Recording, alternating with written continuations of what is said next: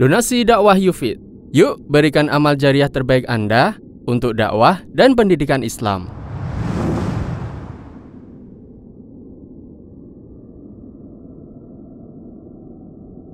Bismillahirrahmanirrahim. Assalamualaikum warahmatullahi wabarakatuh.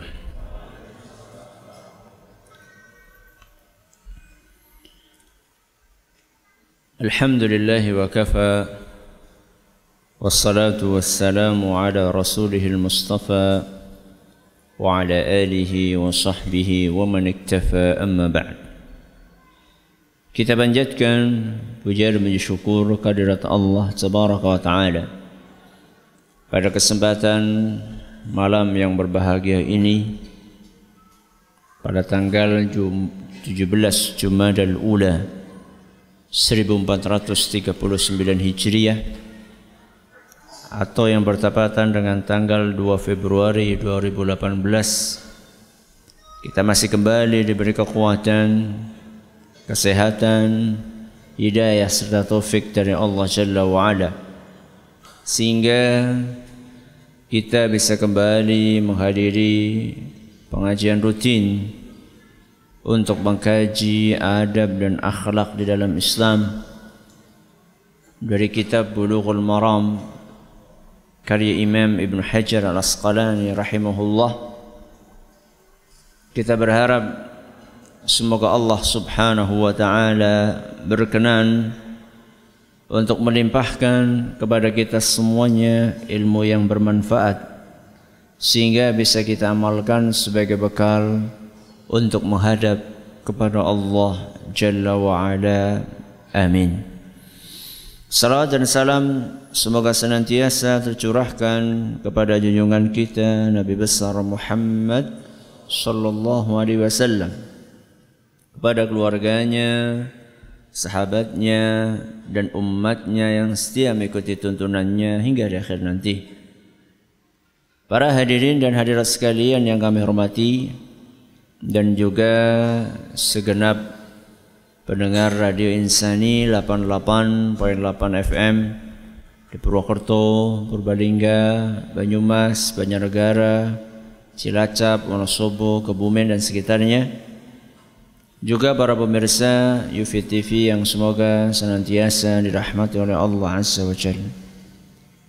Pada pertemuan terakhir kita telah mengawali pembahasan tentang hadis nomor 18.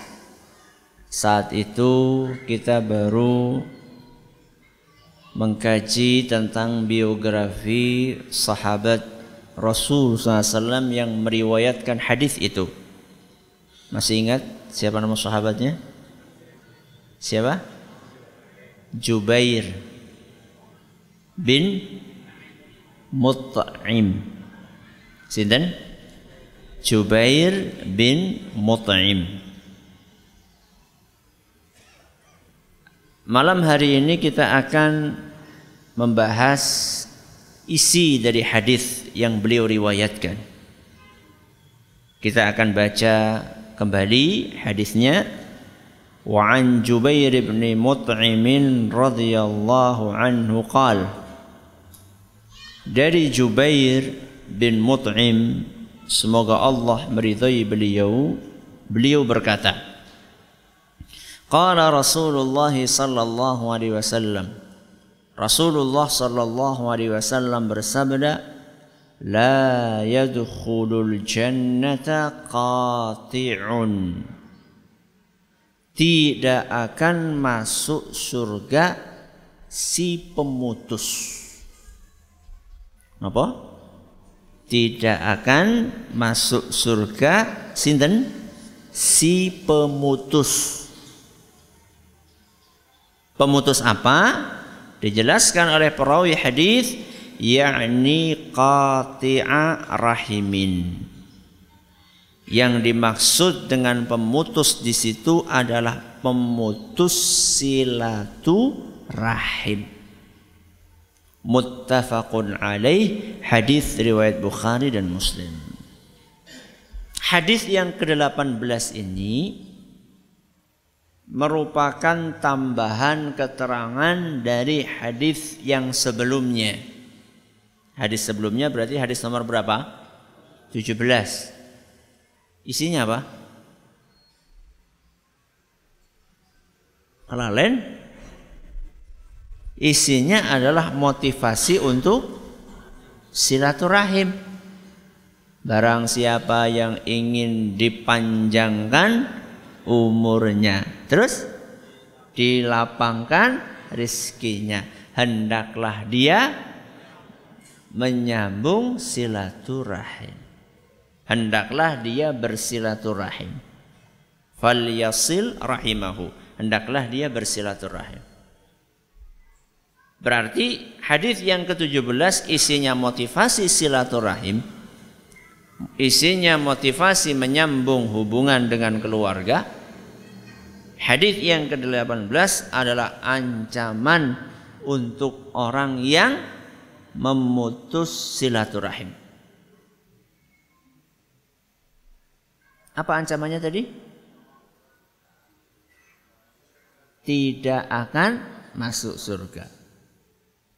Berarti memutus silaturahim niku dosa napa mboten? Dosa apa mboten? Dosa.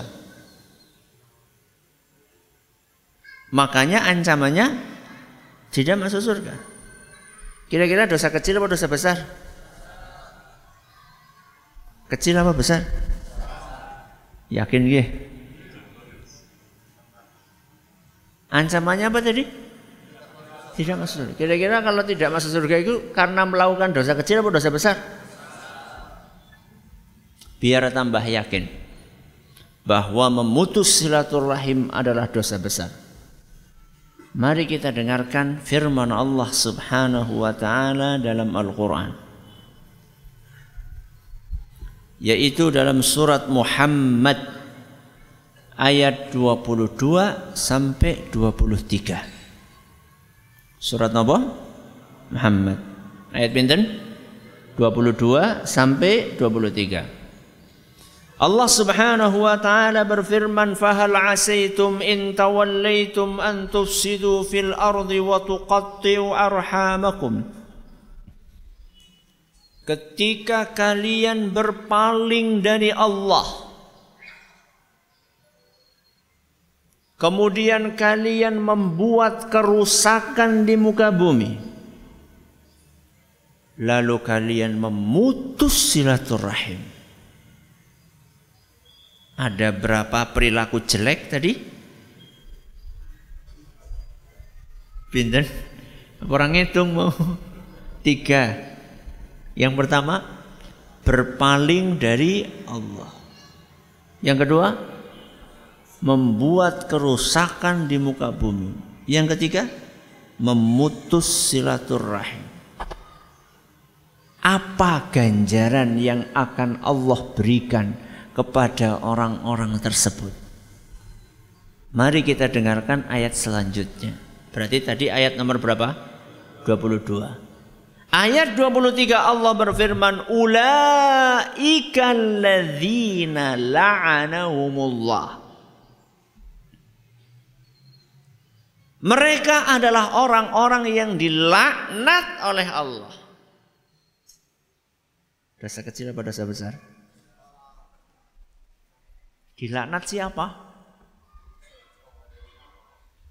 Laknat itu definisinya at-tardu wal ib'adu min rahmatillah. Dilaknat itu artinya diusir dan dijauhkan dari rahmat Allah Subhanahu wa taala. Diusir Sinten sing ngusir? Allah. Kalau diusir sama mertua gimana? Golet maning. Kok semudah itu Ustaz? Loh kenyataannya kan banyak calon mertua yang lainnya. Ini yang ngusir siapa tadi? Allah mau ke mana? Pindah mengpeluto. Pluto miliknya siapa? Allah. Pindah ke mana? Ulaika alladzina la'anahumullah. Mereka adalah orang yang dilaknat oleh Allah. Fa'asammahum. Lalu Allah bikin tuli telinga mereka. Saat perasaan aku sih bisa ngrungokaken. Tuli dari apa? Tuli dari apa? Tuli dari mendengar nasihat. Makanya orang-orang yang terbiasa untuk memutus silaturahim adalah manusia-manusia yang paling sulit dinasehati.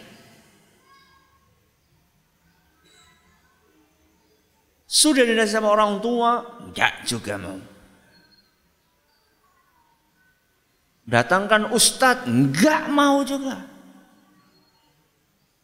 Dibacakan ayat Al-Quran, enggak mempan. Dibawakan hadis Rasul SAW, enggak mempan. Kenapa? Apa mau? Tuli. Sudah berapa itu tadi? Laknat, tuli, satu lagi. Wa a'ma absarahum. Dan Allah jadikan mata mereka buta. Masih bisa melek Ustaz? Buta dari apa? Buta dari melihat hal-hal yang bermanfaat. Sehingga orang-orang yang terbiasa untuk memutus silaturahim sekalipun matanya melihat hal-hal yang bisa menyentuh hati tidak tersentuh karena matanya buta.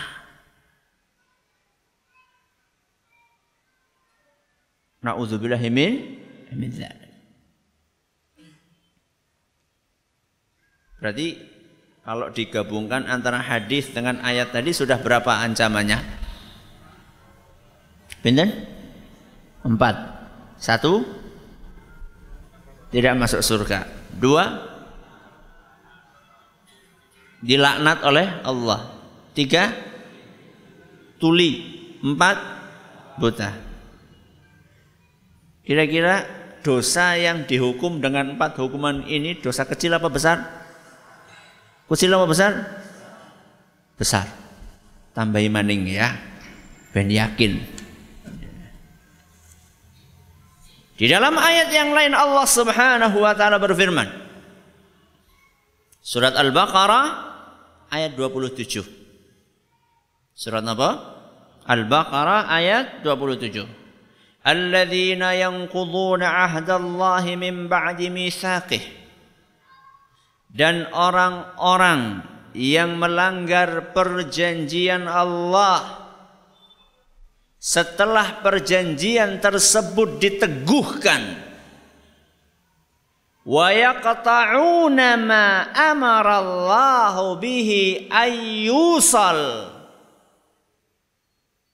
dan orang-orang yang memutuskan sesuatu yang seharusnya disambung. Nopo niku? Salah satunya adalah silaturahim. Allah nyuruh nyambung malah mutus. Rasul SAW nyuruh nyambung malah mutus. Wa yufsiduna fil ard. Dan orang-orang yang membuat kerusakan di muka bumi apa hukumannya? Ulaika humul khasirun. Mereka adalah orang-orang yang rugi. Berarti sing nomor gangsal napa? Rugi. Walaupun dapat jatah warisan lebih banyak. Tapi seandainya dengan cara-cara kezaliman dengan cara-cara menyakiti kakak dan adiknya Mereka adalah orang-orang yang rugi. Tidak untung. Tidak untung. Kenapa Ustaz? Kan sawe lebih ambak. Duitnya lebih oke. Ruginya di mana Ustaz? Untung Ustaz. Rugi karena yang dia dapatkan tidak berkah. Kemudian dia jadi tuli, dia jadi buta. Itu baru di mana? Di dunia, di akhirat tidak masuk surga. Gara-gara tanah setengi gak jadi masuk surga. Ini rugi apa untung? Rugi berat. Gara-gara rebutan warisan toko separoh. Gak jadi masuk surga. Ini rugi berat.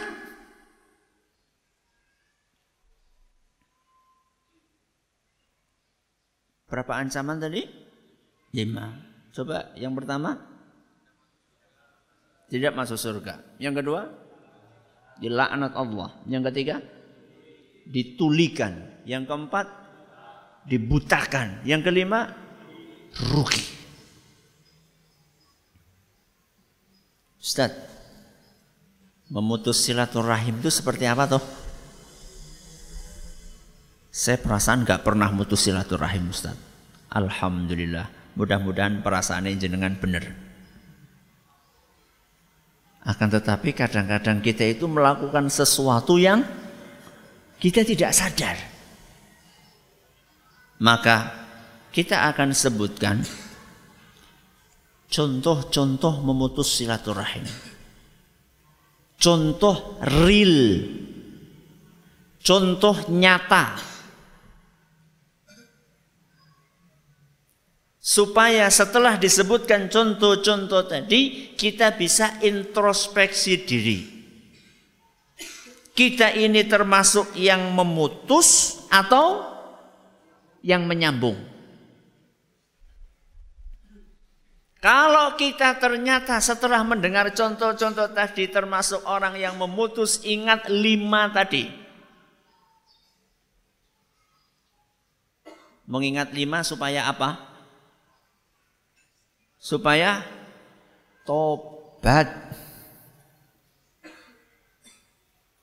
Sebelum terlambat. Para ulama kita, eh sebelum, ya, para ulama kita menyebutkan bahwa memutus silaturahim itu ada yang levelnya paling parah, ada yang levelnya parah. Milih sing di? Orang loro-loro nih. Jadi memutus silaturahim itu ada yang levelnya paling parah, Maraepol. Ada yang levelnya parah. Kata mereka di dalam kitab Minhatul Alam fi syarhi bulughil maram yang levelnya paling parah adalah menyakiti mereka. Ini yang levelnya paling parah. Mereka niku sinten? Mereka sinten? Lah silaturahim sih artinya apa? Nyambung silatu nyambung rahim. Dulur. Berarti menyakiti sedulur. Menyakiti keluarga. Menyakiti kerabat. Itu adalah level memutus silaturahim yang paling parah. Terus kira-kira nek sing paling parah menyakiti mereka. Sing parah nopo? Yang parah adalah tidak berbuat baik kepada mereka. Yang parah, paling parah apa wau? Menyakiti mereka. Yang parah tidak berbuat baik kepada mereka. Kita bahas yang mana dulu? Sing paling parah apa sing parah? Sing paling parah bedisit ya. Apa tadi yang paling parah? Menyakiti mereka, menyakiti keluarga. Keluarga niku sinten? Keluarga itu siapa? Yang paling dekat sinten? Bapak, ibu, suami, istri, anak, kakak, adik. Itu yang paling dekat ya. Setelah itu ada Pak D, ada Bude, ada Pak Le, ada Bule. Setiap orang yang menyakiti bapak, menyakiti ibu, menyakiti istri, menyakiti suami, menyakiti anak, menyakiti kakak, menyakiti adik, berarti dia telah memutus silaturahim dengan level yang paling parah.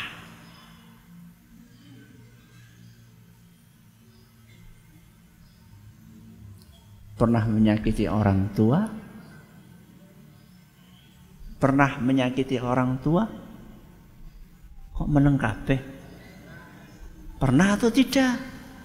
Tidak. Meneng kan ada kemungkinan iya apa ora? Ya udah nggak usah dijawab karena tujuannya adalah untuk apa? Introspeksi diri. Orang-orang anak-anak yang menyakiti orang tuanya. Seperti apa menyakiti orang tua? Bentak. Meremehkan orang tua. Mentang-mentang S1. Orang tuanya SD.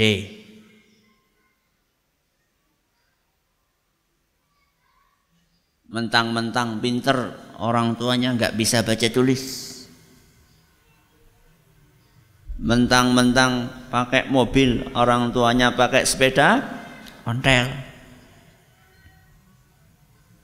Bahkan ada sebagian anak yang malu berjalan dengan orang tuanya. Bapak Ibu duduknya sebelah sana ya. Aku malu ini sedang wisuda teman-temanku keren-keren orang tuanya.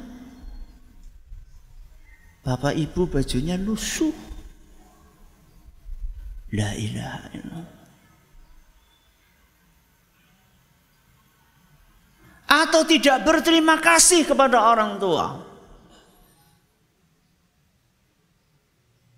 Sudah diberi sama orang tua, diberi sama orang tua, diberi sama orang tua. Akan tetapi selalu kurang, selalu kurang, minta, minta. Dan sering merepotkan orang tua. Bahkan kadang-kadang sampai sudah punya anak mangsane wong tuane lagi jukut lagi mengambil apa namanya? pensiunan ngantri kabeh nang omah. La ilaha illallah. Anda itu harusnya ngasih. Wis bisa pahal dewek. Masih ngantri di hadapan orang tuanya. Begitu dapat pensiunan orang tuanya pada lembut-lembut, halus-halus, mesam-mesem, semuanya setor muka, ternyata ada udang di balik batu. Gak cukup seperti itu. Orang tuanya sudah lanjut usia, masih membebani orang tuanya untuk mendidik anak-anak kita. Alias titip anak kepada orang tua. Betul? Betul. Ramane karo biyunge mengendi? Kerja nang jar kata. Anaknya dititipkan sama orang tuanya yang sudah tua, yang sudah saatnya beristirahat, yang sudah saatnya untuk mengisi masa tuanya dengan hal-hal yang insya Allah lebih mendatangkan manfaat untuk beliau di dunia dan di akhiratnya. Masih dibebani untuk mengurus anak-anak kita dan ditinggal jarang dicenguk. Sehingga orang tua kita harus banting tulang. Sudah rapuh tulangnya masih dibanting-banting pula. Menyakiti orang tua. Banyak potretnya. Itu contoh memutus silaturahim yang levelnya paling parah. Apalagi menyakiti istri, menyakiti anak-anak. Siapa berarti yang dibahas? Suami. Seperti apa Ustaz menyakiti anak dan istri? Yaitu para suami yang menterlantarkan istri dan anak-anaknya. Yang setiap hari pulangnya malam-malam nggak bawa apa-apa kecuali bawa bau alkohol.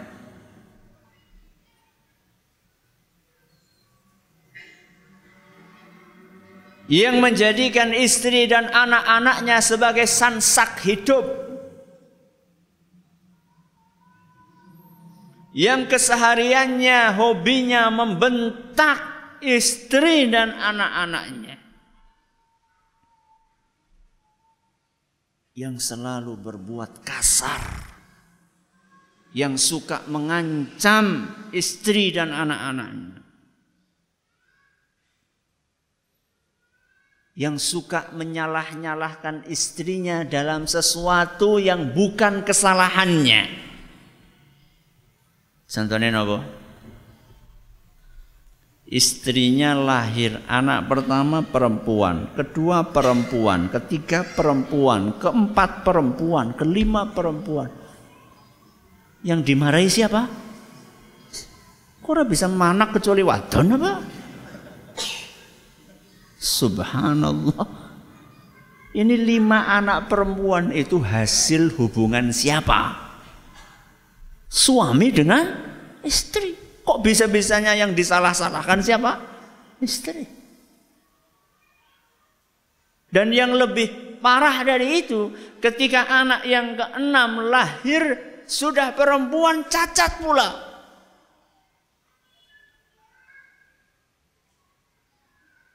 Istrinya yang setiap hari dimarah-marahi. Gara-gara kamu anak kita cacat. Subhanallah. Apa istri mau anaknya cacat? Mau tidak? Tidak, nggak ada yang mau. Itu di luar, di luar kemampuan dia. Itu di luar kehendak dia. Allah yang menakdirkan anak itu cacat. Saya tanya istri melahirkan anak cacat sedih nggak? Kira-kira kalau dimarah-marahi tambah sedih? Tambah sedih, bahkan mungkin lebih sakit hatinya dibandingkan ketika melahirkan anak melihat anaknya cacat. Lebih sakit disalah-salahkan sama suaminya.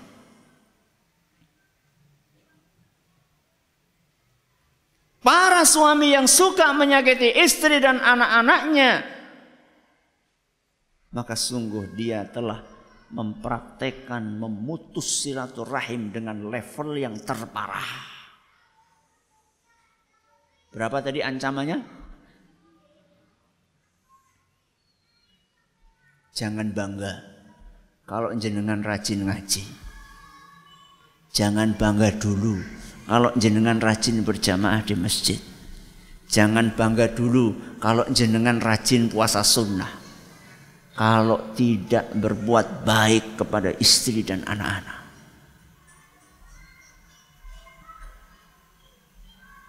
Bukan berarti besok nggak perlu sholat jamaah lah wis lah. Ngesuk saja jamaah. Pamane ngaji wis kapok ngaji nang jensut. Dicemesi terus. Jenengan kapok nama mboten? Kok yang belakang, yang depan aja yang jawab. Jenengan kapok nama mboten? Kapok apa dulu? kapok ngaji maksudnya. Enggak kapok ya? Alhamdulillah. Ya. Ngaji itu untuk memperbaiki diri. Jangan sampai jenengan itu wiswe ngaji perilaku kepada anak dan istrinya nggak berubah. Dan terus ngajinya itu buahnya apa? Mbok setelah ngaji itu tambah halus, tambah lembut, tambah nopo malih? Tambah nopo? Tambah sayang, ya. Sehingga istrinya itu ya Allah Pak, ngajinya teng pundi Pak? Saya pengen ikut. Akhirnya istri yang awalnya kemarin gak mau ngaji, yang awalnya kemarin gak mau sholat, yang awalnya kemarin gak mau pakai jilbab, begitu ngelihat suaminya setelah ngaji kok jadi tambah lembut, tambah halus. Akhirnya istrinya penasaran, Pak ngajinya di mana tau? Saya pengen ikut. Coba seandainya setelah ngaji panggah malah tambah galak, kepriwe jajal? Ya. Apa kira-kira istri akan ingin ikut ngaji?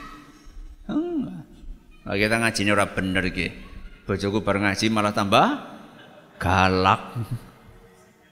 ya. Menyakiti orang tua, menyakiti istri. Ah, menyakiti suami. Sing adil. Masa sih cemesi bapak ketok. menyakiti suami. Berarti yang dibahas sekarang siapa? Istri. Apa usah contohnya? Tidak mensyukuri pemberian suami. Tidak berterima kasih dengan pemberian suami. Tidak menghargai dengan pemberian suami. Makanya Rasulullah sallallahu alaihi wasallam pernah bersabda, "Ra'aitun nara fa idza aktsaru ahliha nisa Rasulullah SAW pernah bercerita, aku pernah melihat isi neraka. Ternyata kebanyakan penghuninya wanita. Maka orang-orang bertanya, wahai Rasul, kenapa wanita? Yakfurnal ashir wa yakfurnal ihsan. Karena para wanita itu sering kufur tidak berterima kasih kepada suaminya dan kebaikan suaminya.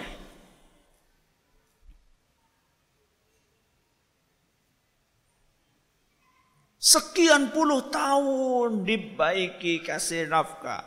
Cuma gara-gara satu kesalahan. Hujan sehari. Hujan sehari menghapuskan kemarau setahun. Lupa semuanya sudah. Ya. Hanya dengan satu kesalahan. Ya.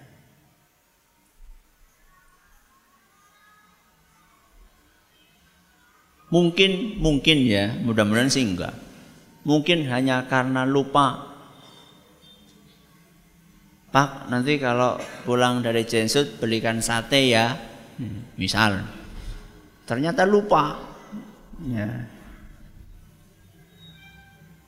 karena tergesa-gesa hujan lebat langsung cepat-cepat pulang. Pak satenya pun di astagfirullah kelalen. Wis ora sayang. Kelalen bu kelalen lombok. Ada nggak istri yang kayak gitu? Hah? Ada. Istri yang jenengan bukan?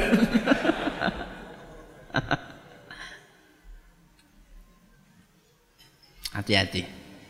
Ya. Sudah kayak gitu suka membanding-bandingkan lagi dengan suaminya orang. Pak mbok ngejim gitu loh Pak. Tahu ngejim? Senam itu loh Pak, biar badannya sterek kayak suami tetangga itu. Astagfirullah, ini kawet mbiyen wis gawan bayi kerempeng kon kepreman. Subhanallah, hati-hati. Ya, hati-hati. Dan yang lebih parah dari itu semua, adalah memiliki hubungan terlarang dengan laki-laki idaman lain. Hati-hati. Dan sarana untuk itu di zaman ini banyak. Terutama HP. Saya nggak katakan nggak boleh masuk grup anu, grup anu silahkan. Tapi sering grup-grup yang tidak terlalu penting masuk ke dalamnya justru menghasilkan ekses negatif yang lebih banyak dibandingkan ekses positif. Grup alumni SMA. Wah, ketemu lagi. Ya. CLBK. Ngertos sambutan Pak CLBK? Cinta lama bersemi kembali. Nauzubillah min Jangan khianati janji setia.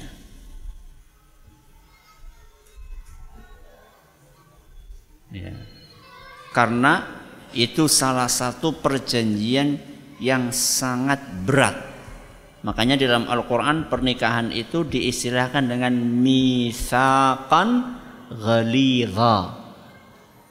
Sebuah ikatan yang sangat kuat.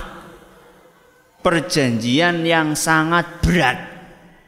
Jangan Anda nodai.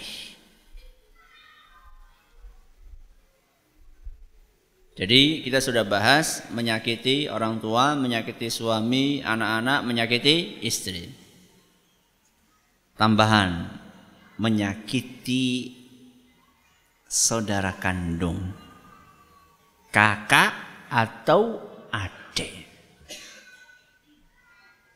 Dan ini seringnya terjadi ketika orang tua meninggal dunia. Kemudian ada apa namanya? Warisan Semuanya merasa pengen untuk mendapatkan bagian yang terbanyak. Kalau sesuai dengan syariat, no problem. Yeah. Memang kalau sudah dijatah laki-laki sekian, perempuan sekian, itu tidak masalah. Tapi ini ingin mendapatkan jatah yang lebih banyak dengan melanggar syariat. Sebenarnya jatahnya 15 ubin, pengennya 16 ubin. Tambah se seubin.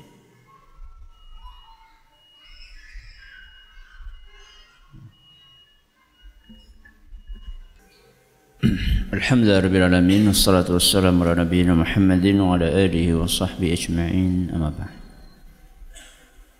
Sampai mana tadi?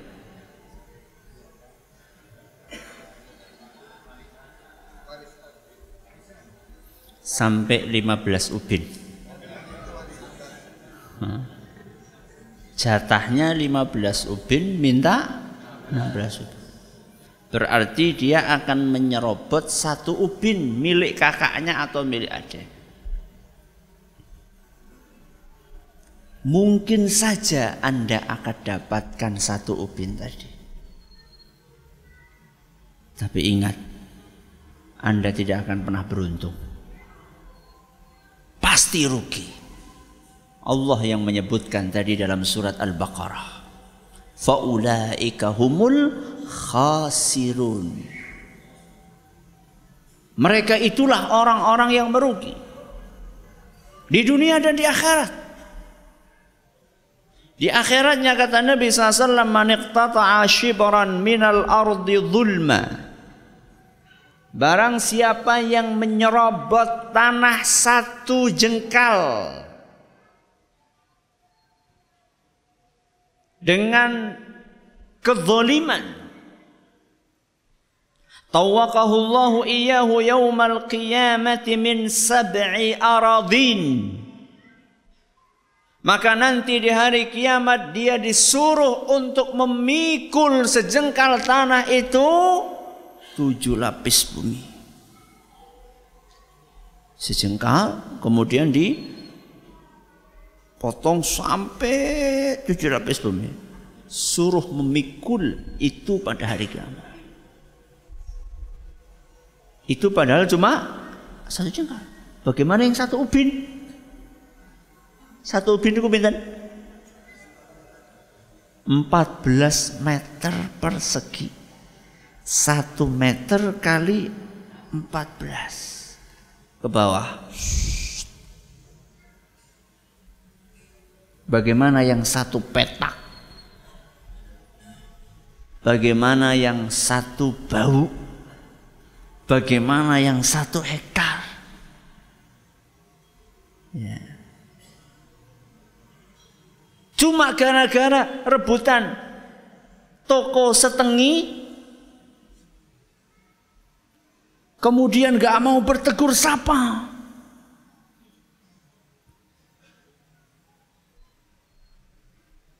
Bahkan sampai ke bawah ke anak-anak dan cucu-cucunya. Permusuhan warisan orang tua. kalau jenengan ternyata di urutan cucu. Ya. jadi masalahnya sebenarnya bukan di kita tapi masalahnya di mbah kita. Kok jenengan masih ikut ngajinya gue ngapa ya. itu tadi lingkaran setan tadi itu. Ya. Silsilah lingkaran apa? Setan. Anda yang harus memutus lingkaran tersebut ya.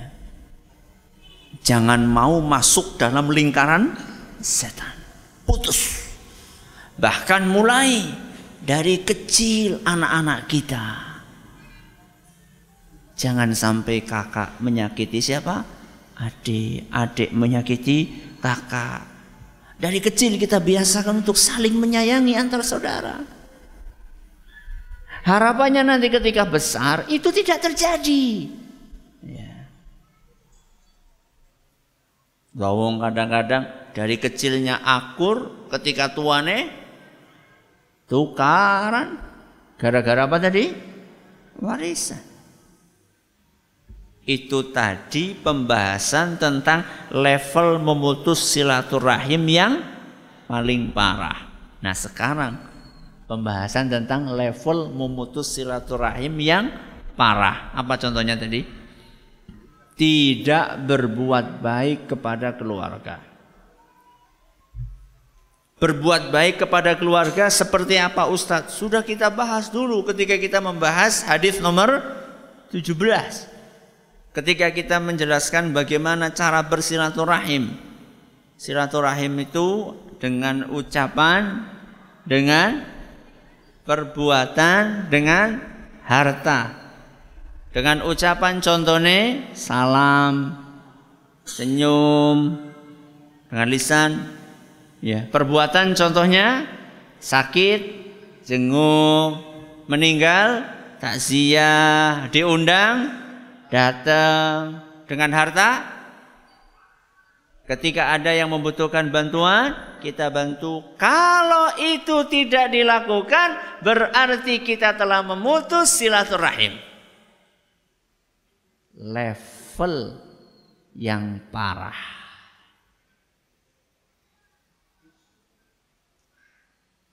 Ya Allah, engane dulure dewek kuwi akeh-akeh banget ya. Iya. Makanya kalau misalnya ini tadi itu kita jalankan.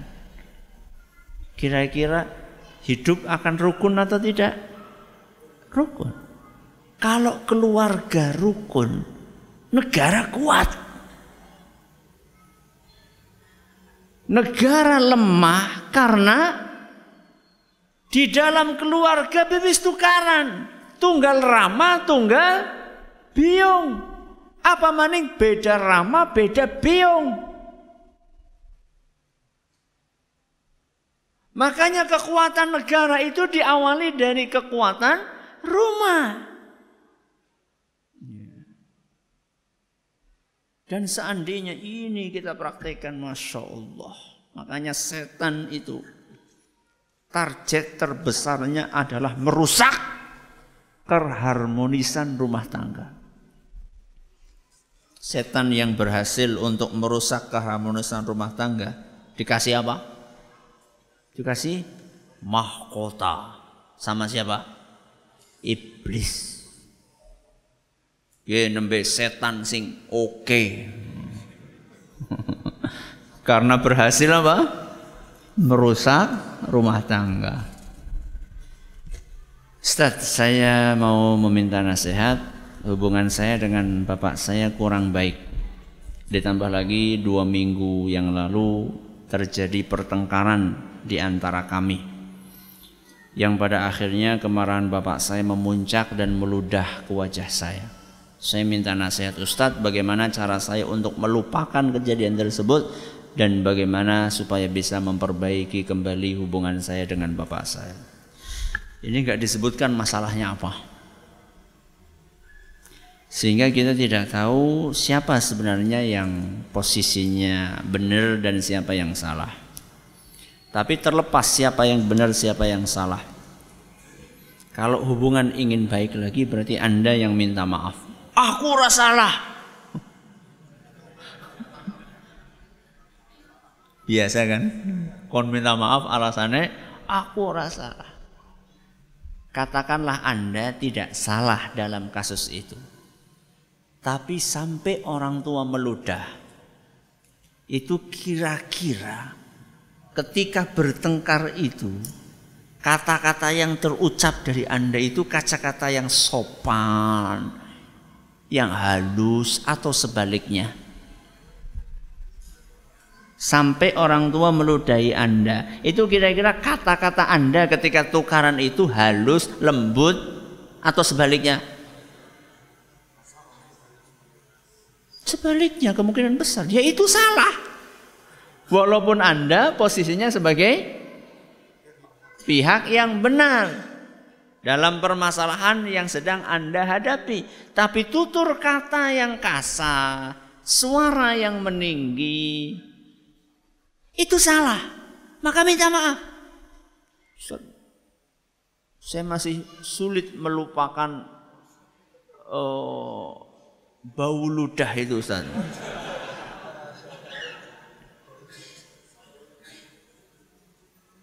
Bapak jenengan itu loh dulu ketika jenengan masih kecil ganti popo eh jenengan itu mambu apa ora? Ya. Lebih bau mana? Ludah sama nuwun sewu. Ya lebih bau mana? Ya.